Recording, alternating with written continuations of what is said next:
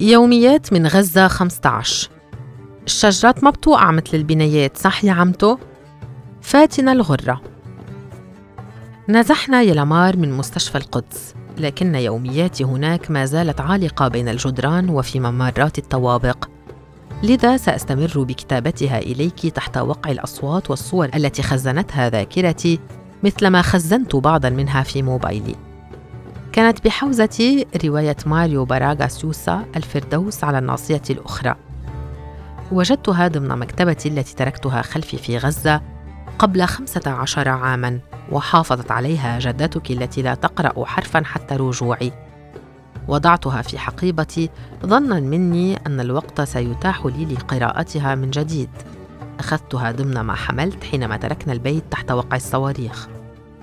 هل قلت لك إن جدتك وهي تتكئ على يدي ويد عمك محمود وقفت للحظة لتصرخ فينا كي نتركها هناك؟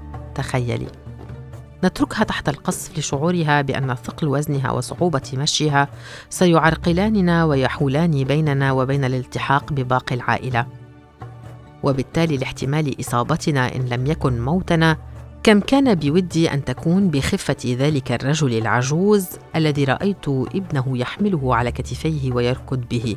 كان خفيفا كطفل في عامه الرابع على الأكثر. ضغطت بيدي على يدها وقلت لها امشي يما رح نوصل. امرأة كانت تطل علينا من شباك عمارتها نادت أمي ملقية بشبشب من النافذة. خدي يا حجة البسي برجلك. لحظتها فقط انتبهت إلى أن أمي قد خرجت حافية من البيت.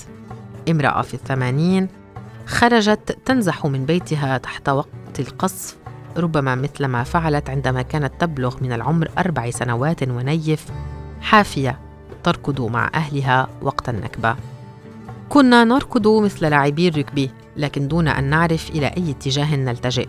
كل شيء كان تحت مرمى القصف والصواريخ التي لا تفرق بين طفل يكركر على انزلاق أبيه ووقوعه على الدرج وبين أم تجلس أمام فرن الطين تمد يدا تحمل رغيف خبز. حرقته القذيفة المباغتة. شيخ على الرصيف المقابل كان يجر بيد ابنه الصغير وبالأخرى يجر عجلة تحمل ثلاثة أرباع كيس دقيق ربما خرجت منه عجنة واحدة راكدا دون أن ينظر خلفه. هنا نتعلم ألا ننظر خلفنا. مهما كانت الأسباب مثلما أخبرتني صديقتي وسام ياسين التي تعمل مراسلة لقناة الحرة عن امرأة روت لها قصة استشهاد ابنتها وحفيدتها. كانتا وراءها يعبران طريق الموت من غزة إلى الجنوب وهي قصة سأرويها لك ربما في رسائل قادمة. تقول رأيت النقطة الحمراء للقناص تتخطاني لتنطلق منها رصاصتان وسمعت صوت ابنتي وطفلتها خلفي. مشينا دون أن نقدر حتى على الالتفات وراءنا. هكذا أخبرونا في الحواديت. امشي ولكن لا تنظر خلفك. وهكذا فعلوا. عبرنا شارع 8 الذي نقطن فيه في حي تل الهوى باتجاه مستشفى القدس. قرر جزء منا الذهاب إلى المدارس غير أن الجزء الآخر استجاب لصراخ زوجة عمك وهي تقول مستشفى القدس. الاقتراح كان يبدو أقرب للمنطق. فالمستشفى لا يبعد أكثر من عشر دقائق مشيا عن البيت ومن السهل علينا حينما يتوقف القصف أن نعود لبيتنا دون جهد يذكر. كنا سذجا يا حبيبتي. أغرنا أن نتل الهوى وعلى مدار الحروب الفائتة بقي سليما من الدمار. ركضنا حتى مرت سيارة فصرخنا على سائقها. خذ هالمرة العجوز معك.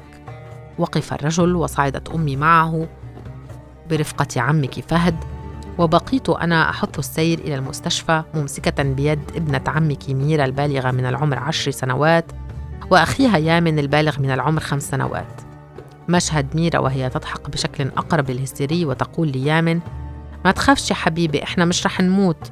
ثم تنظر إلي قائلة بنفس الابتسامة صح يا عمتو إحنا مش رح نموت. وأنا أحاول طمأنتها وسط لهاثي يامن كان يعض بيده على يدي حتى وصلنا منتزه برشلونة الذي يجاور العمارة التي اشتريتم فيها شقتكم. قلت لهما امشوا جنب الشجر مش جنب البنايات قلتها وصوتي يهتز مع كل قصف آت من الخلف. وحينها رد علي يامن صحيح يا عمتو عشان الشجرات ما بتوقع لم يتوقع يامن أن كلمته هذه ستنزل على قلبي طمأنينة وسلاما. التقطت الكلمة من فمه وظللت أرددها طوال الطريق حتى وصلنا باب المستشفى. الأشجار ما بتوقع الأشجار ما بتوقع نسيت أن أخبرك. لم يعد وجود لشقتكم يا حبيبتي. صارت رمادا مثل ما هو حال باقي أغلب العمارات من حولها. لكن الأشجار هناك لم تقع. ذهب يامن وميرا مع أهلهما إلى مدرسة تابعة لوكالة غوث وتشغيل اللاجئين في حي الرمال وبقينا أنا وجدتك وجدك مع عائلة عمك زياد وعمك محمود في المستشفى. عائلتنا كبيرة أعرف. وهكذا هو حال أغلب الغزيين. نتسلى بالأكل والدبك والغناء والشجار وصناعة الأطفال. في البداية وقفنا على باب المستشفى ننظر إلى تلك الجموع من البشر دون أن نعرف أين سنجلس وكيف سنبيت هنا وإلى متى. كلها أسئلة كنت أجيب عليها حينما يطرحها أحد أبناء عمومتك علي. خلينا نعيش على سياسة خطوة خطوة كل ساعة بساعة وكل ليلة بليلة وكل يوم بيوم. ذهب طارق ومحمد ابن عمك زياد ليتفقدا الطوابق كي يجدا مكانا يتسع لنا. بضعة مترات طوالية في ممر أو حتى على مصطبة درج. عادا ليخبرانا أنهما قد وجدا مكانا لنا في الطابق الثالث. لم نكن نحمل أمتعة تذكر. فقط ما خف حمله على الظهر وفي اليدين. كنت قد أحضرت كل وثائقي وما تبقى من مال لدي في شنطة على الخصر وما تبقى من أغراض شخصية وضعتها في حقيبة حملتها على كتفي. فنخرت فيه نقفا أخذ أياما كي يلتئم. فرشنا على الأرض وانفرشت أعصابي عليها. كان صوت القصف بهذا القرب جديدا على أعصابي بعد خمسة عشر عاما عشتها في هدوء في أوروبا. كنت أحسب موتا في البداية. فجأة بوم تراخ تراك ألقيت بجسدي على فرشة لنازحين سبقونا. وسمحت لجسدي بالانفلات مني. صوت الصواريخ كان قويا في أذني. إلى الحد الذي ظننت معه أن هذا الصوت سيبقى في الداخل مثل ما فعل صرصار صغير. دخل أذني ذات فجر صيفي وأنا نائمة فوق سطح البيت. كان عمري وقتها أقل من سبعة عشر عاما. والآن جيش من الصراصير الحديدية يقرقع في أذني. وحتى كفاي الصغيرتان لم تتمكنا رغم ضغطهما من إيقاف هذا الصرير الجبار.